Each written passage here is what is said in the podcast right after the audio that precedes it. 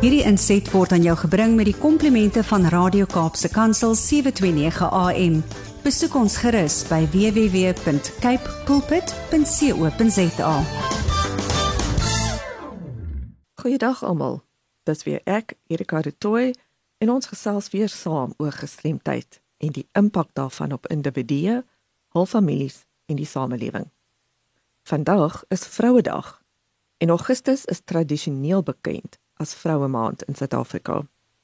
Dit is hartverskeurende om te sien dat duisende, indien nie miljoene nie, vroue steeds as besittings en slaansakke behandel word, wat talle vroue met gestremthede ook insluit. Ek wil dus die fokus vandag plaas op hoe die samelewing vroue met gestremthede beskou. Ek bedoel nie hoe inspirerend hulle is om kinders groot te maak terwyl hulle gestremdheid hanteer of die moeite doen om te werk ten spyte van die gebrek aan voldoende vervoer of hoe dapper vroue met gestremthede is om hul omstandighede te trotseer ten spyte van gestremdheid nie. Ek wil hê jy moet eers saamstem dat vroue met gestremthede gemarginaliseer word as gevolg van hoe ons die publiek gestremdheid beskou.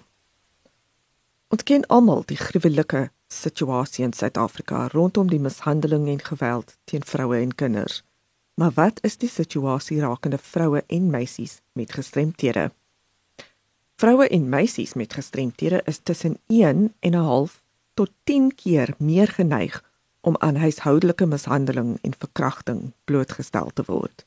Die regstelsel, polisiedienste en versorgers is nie toegerus om gerapporteerde sake te hanteer nie en gerapporteerde sake gaan selde hof toe as gevolg van onbillike en diskriminerende aanname dat slagoffers weens al gestremdheid nie 'n betroubare of geloofwaardige getuie sou wees nie.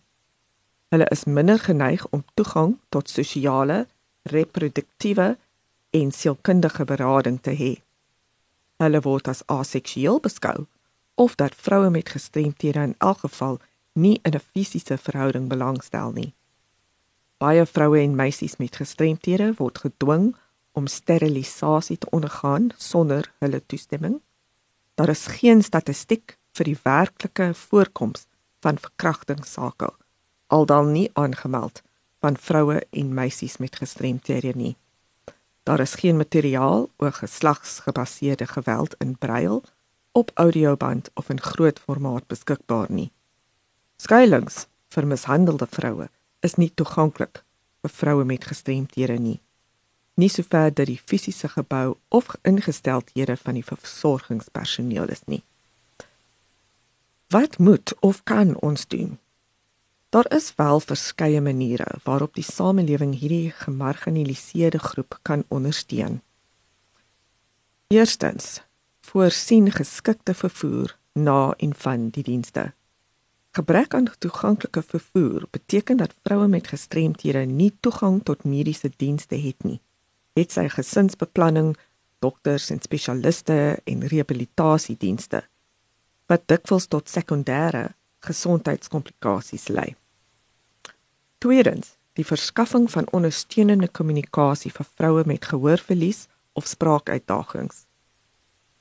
Elke persoon moet die feite van hul mediese diagnose ken en die impak wat dit op haar daaglikse aktiwiteite sal hê.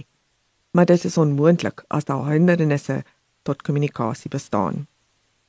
Derdens, sensitiseer gesondheidswerkers. Ingesteldheid is die grootste struikelblok wat persone met gestremthede in die gesig staar wat oorkom kan word deur mense oor gestremdheid te leer sodat hulle die impak wat dit op die individu kan verstaan en mense met respek en sensitiwiteit kan behandel. Vierdens, literatuur en inligting moet beskikbaar wees in maklik leesbare en verstaanbare formate. Persone met intellektuele gestremdheid vind dit dikwels moeilik om inligting te bekom tensy dit in eenvoudige en maklik verstaanbare taal geskryf is. En vyftens, voer veldtogte uit wat daarop gemik is om bewusmaking te skep van die verskille in houding teenoor vroue met gestremthede en om regte te kan bevorder. Sommige hiervan sluit in die reg op toegang tot gesondheidsdienste, reg om 'n gesin en kinders te hê, voortplantingsregte, asook die reg om besluite oor hul eie lewe te kan neem. Dit is die samelewing se verantwoordelikheid en dit sluit elkeen van ons in. Wanneer diskriminasie teen vroue gedurende Augustus aandag geniet, oorweeg asseblief hoe dit vroue met gestremthede raak en vra jouself af wat jy tyds doen wat teen vroue met gestremthede bewustelik of onbewustelik diskrimineer. Watter van hierdie voorbeelde hierbo kan u in u huis, u familie en vriende of u gemeenskap toepas wat vroue met gestremthede sal insluit? Of by watter plaaslike organisasie kan u aansluit wat reeds met vroue met gestremthede werk, maar 'n ekstra paar hande nodig het? Stuur gerus enige navrae aan my by awareness@wcapd.org.za of skakel my kantoor by 021 355 2881. Dankie en totsiens. Hierdie inset was aan jou gebring met die komplimente van Radio Kaapse Kansel 729 AM. Besoek ons gerus by www.cape pulpit.co.za.